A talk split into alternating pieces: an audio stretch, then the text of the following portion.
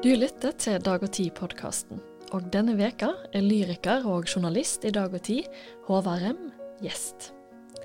Han forteller om første del i den nye reportasjeserien sin om Nordfjord.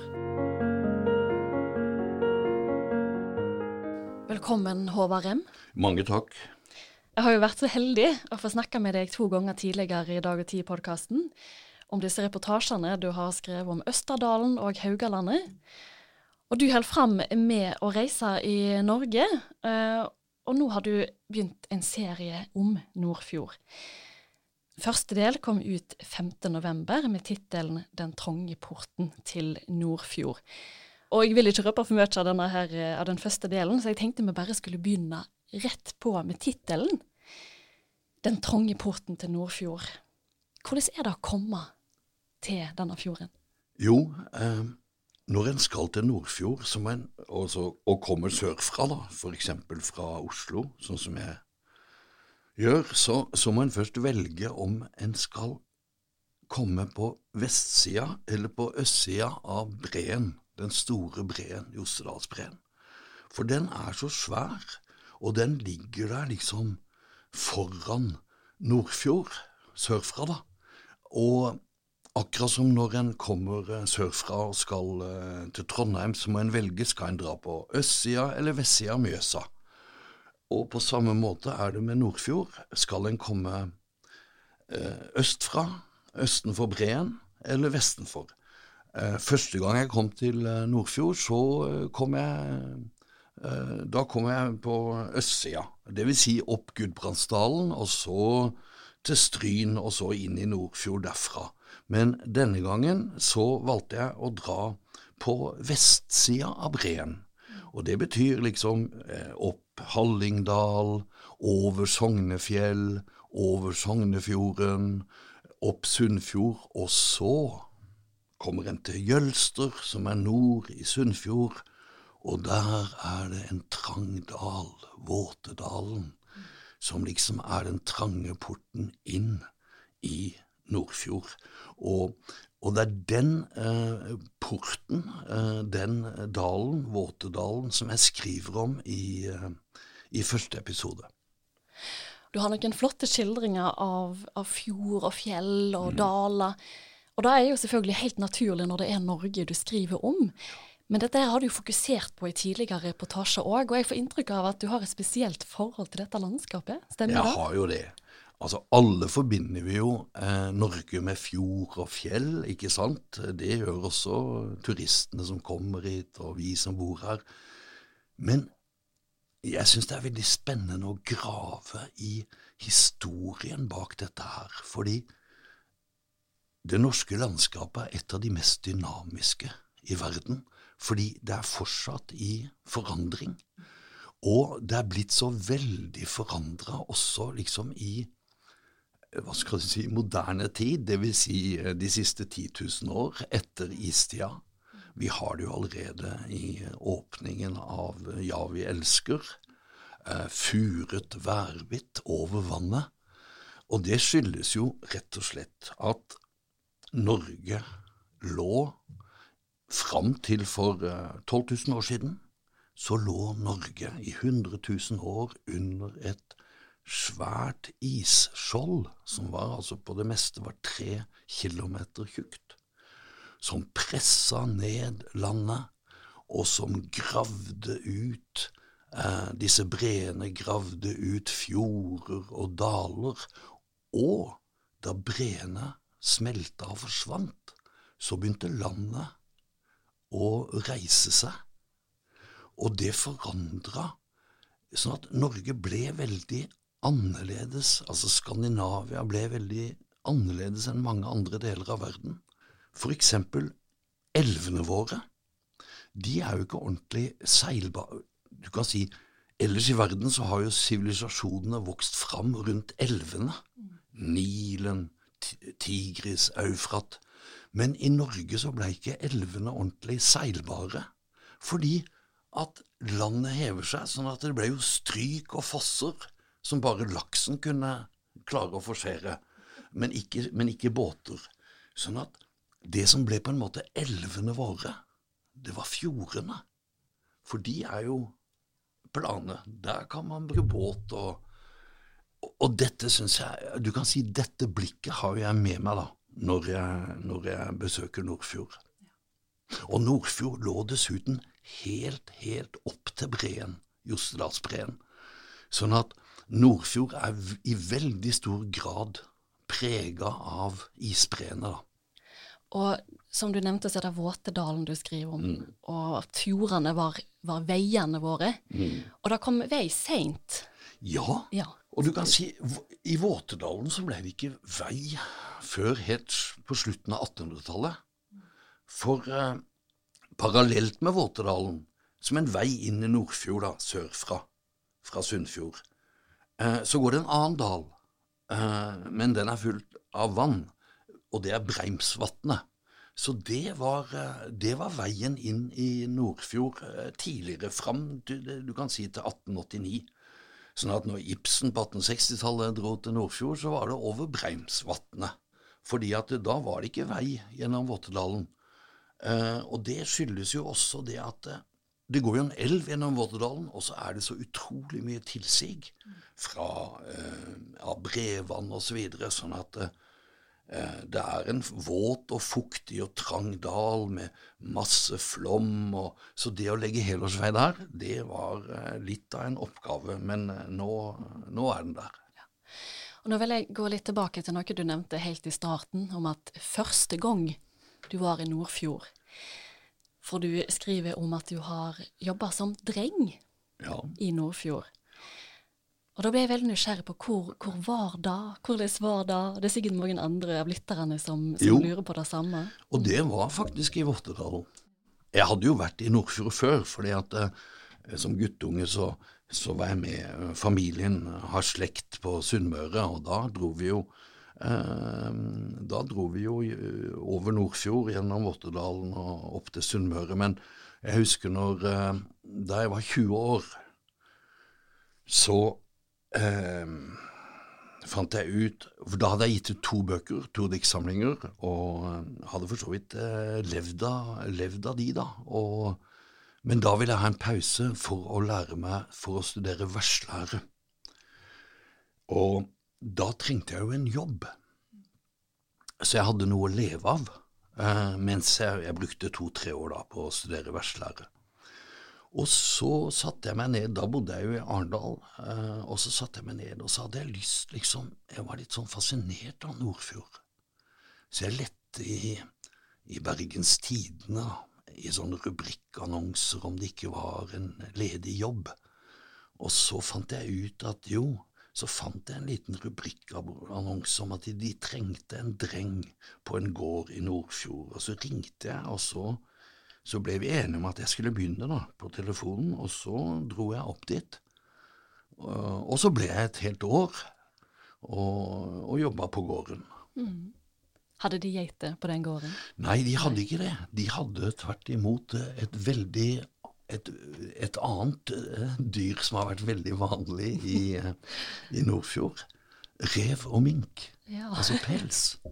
Og det var grunnen til at eh, fordi at bonden han drev jo med gris, og med, eh, han hadde en fjording, og han hadde 20 melkekyr osv.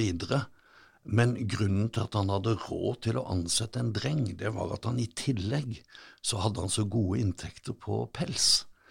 Eh, så han, han kunne melde seg ut av den avløserringen, ikke sant, hvor du har, får en avløser, en slags dreng som kanskje kommer en uke i måneden. Og, og så kunne han ha sin, sin helt egen dreng, da. Og, eh, og det var et fint år, altså. Eh, Jeg lærte jo selvfølgelig på, på kveldene så studerte jeg verslære, da. Eh, Men jeg lærte jo også så mye om, eh, om Nordfjord, om livet på, på bondegården. Eh, Nei, så det var et fint år, altså. Hva var egentlig arbeidsoppgaven din? Det var egentlig å ta del i alt, alt på gården. Hvis det gikk et skred opp i heia, så var det opp dit med fjordingen og redde, redde sånn at eh, Å få tømmeret da ned, ned til gården så det kunne bli ved. Og så var det jo Og Jeg hadde jo hovedansvaret for uh, både grisene og de kvigene og kalvene og 20 melkekyr. Uh, og så tok jeg jo del i slakting av rev og mink. Og, du gjorde det, ja? Ja da. Og, så det var veldig allsidig. ja, det vil jeg si. Ble det noe lyrikk ut av dette oppholdet? Ja, det gjorde det, altså. Og så var det jo sånn at uh, de var jo så stolte, uh, Martin og Bjørg, da, av Nordfjord. Så på søndagene så, så tok de meg alltid med på da kjørte vi, og, og så viste de meg fjord, altså Olden og Loen og Stryn. og Bjørg var jo fra gårdskona, hun var jo fra Jølster, så oftest kjørte vi gjennom Våtedalen da, hvis vi skulle hilse på slekta hennes i, i Jølster. og Nei, det var et fint år, altså. Så jeg har jo vært ofte tilbake og hilst på de. og og, og det, det, er klart, når, når, distriktsserien min nå, i dag og tid, er kommet til Nordfjord, så er det jo klart at det året jeg var der i ungdommen, det, det ligger jo liksom som et sånt bakteppe. da. Ja. Nå er det jo mange år siden du eh, var dreng ja. i Nordfjord, eller i Våtedalen. Og nå har du vært tilbake igjen eh, for dag og tid. Mm. Hvor masse har det endra seg, eller har det endra seg eh, siden den gang? Altså, jo da. Altså, veldig mye er jo det samme. Det er fortsatt ingen bro over Nordfjord, sånn at den er fortsatt helt avhengig av ferjene. Men det jeg vil si, er at det er kommet en At de er blitt mer stolte over sin egen arv, sine egne tradisjoner, sin egen mat, sin egen dialekt. Eh, og det syns jeg er en veldig fin utvikling, da. Hvor de eh, mer og mer på ja, butikkskilt og sånn, så bruker de eh, dialekten sin, eller nynorsk. Og dialekten der er jo veldig nynorsk nær. Og så over hele Nordfjord så finner du sånne små matutsalg hvor, eh, hvor du får kjøpt eh, lokalmat, eller dialektmat, som jeg kaller det. Så de er blitt mye mer oppmerksomme på og bevisste på sine egne, sine egne tradisjoner og er stolte av dem. Jeg mener jeg stilte et spørsmål eh, tidligere om disse reportasjene dine, om hvordan folkene er når du er på reis. Og jeg lurte litt på det samme i Nordfjord. Er det noen stereotypier der òg? Jeg syns det er veldig interessant å, å se at Nordfjord er jo én ting, men samtidig så er det veldig stor forskjell på ytterst og innerst i fjorden. Fordi at innerst i fjorden så er det akkurat som om folk hele tida har måttet ha mange bein å stå på. Fordi at det er ganske tøffe eh, Det har vært ganske tøffe livsvilkår innerst i fjorden. Så de er liksom flinke til å ja, å drive med forskjellige ting å leve av. Eh, og, og, um, mens ytterst i fjorden, eh, ved Måløy og sånn, så har de jo liksom hatt eh, noen veldig klare hovednæringer, da. Fiske, for eksempel, og fiskeforedling. Mm. Så der har de nok mer satsa på liksom én type næring. Og så er det jo ikke alt, så kommer det jo liksom opp og ned eh, berg-og-dal-bane i den næringen. Og da blir jo samfunnet veldig prega av ok, vi har ett bein å stå på, og nå velter det beinet. Eh, mens eh, innover, lenger innover i fjorden så har de liksom alltid hatt mange bein å stå på, da. Og kanskje ikke er fullt så, så sårbare for konjunkturene. Jeg nevnte jo så vidt geiter i et tidligere spørsmål i samtalen. Og grunnen til det eh, er at du skriver veldig mye om geiter ja. i denne første delen av reportasjeserien din. Eh, både etymologi og ditt eget forhold til geiter. Eh, for du er veldig glad i geiter, og de òg er glad i deg etter at de har fått ei klype tobakk. Nemlig. Det, jeg har jo um, rullings, da. Det, og de elsker, eh, de elsker å gnage på den eh, tobakken. Og jeg er veldig glad i geiter, jeg har alltid vært det. Eh, det er liksom sånne selvstendige, lekne dyr. Individualister på mange måter, da. Og så er det jo det, er jo det eldste, første husdyret vårt. Og derfor heter jo det å, det å passe dyra Det heter jo ikke å saue eller å kue, men det heter å gjete. For, det var, for det var med geitene det begynte. Og så er jeg blitt veldig, så er jeg veldig glad i smaken av geitost, smaken av geitekjøtt. Uh, som har, liksom har den, den, der litt ekstra skarpe smaken, sånn som du får når du får feta i, i Hellas, som er lagd av geite- og sauemelk. Og I Nordfjord så er det nå blitt en svær satsing på, på geitehold. I Våtedalen så er det 600 geiter som går Våtedalen er jo en gammel uh, stølsdal, seterdal. og hver sommer så er det 600 geiter som går på, på sommerbeite. Og, og, og, rundt forbi i Nordfjord så er det geitebruk. Geitebønder som også har slått seg sammen, og som produserer ikke bare geitost, brun geitost og, og hvit geitost, men også speka, eh, speka geitekjøtt, som jeg syns er veldig godt, altså. Eh, Eh, også, de lager også en litt sånn skarp eh, spekepølse. Eh, og den heter jo da kje, cherizo. Ja. Etter den, eh, den, der nede i Middelhavet som heter cherizo. Og, nei, så geiter er flotte dyr, altså. Mm. Og Du skriver litt om etymologien, og det syns jeg eh, personlig er veldig spennende.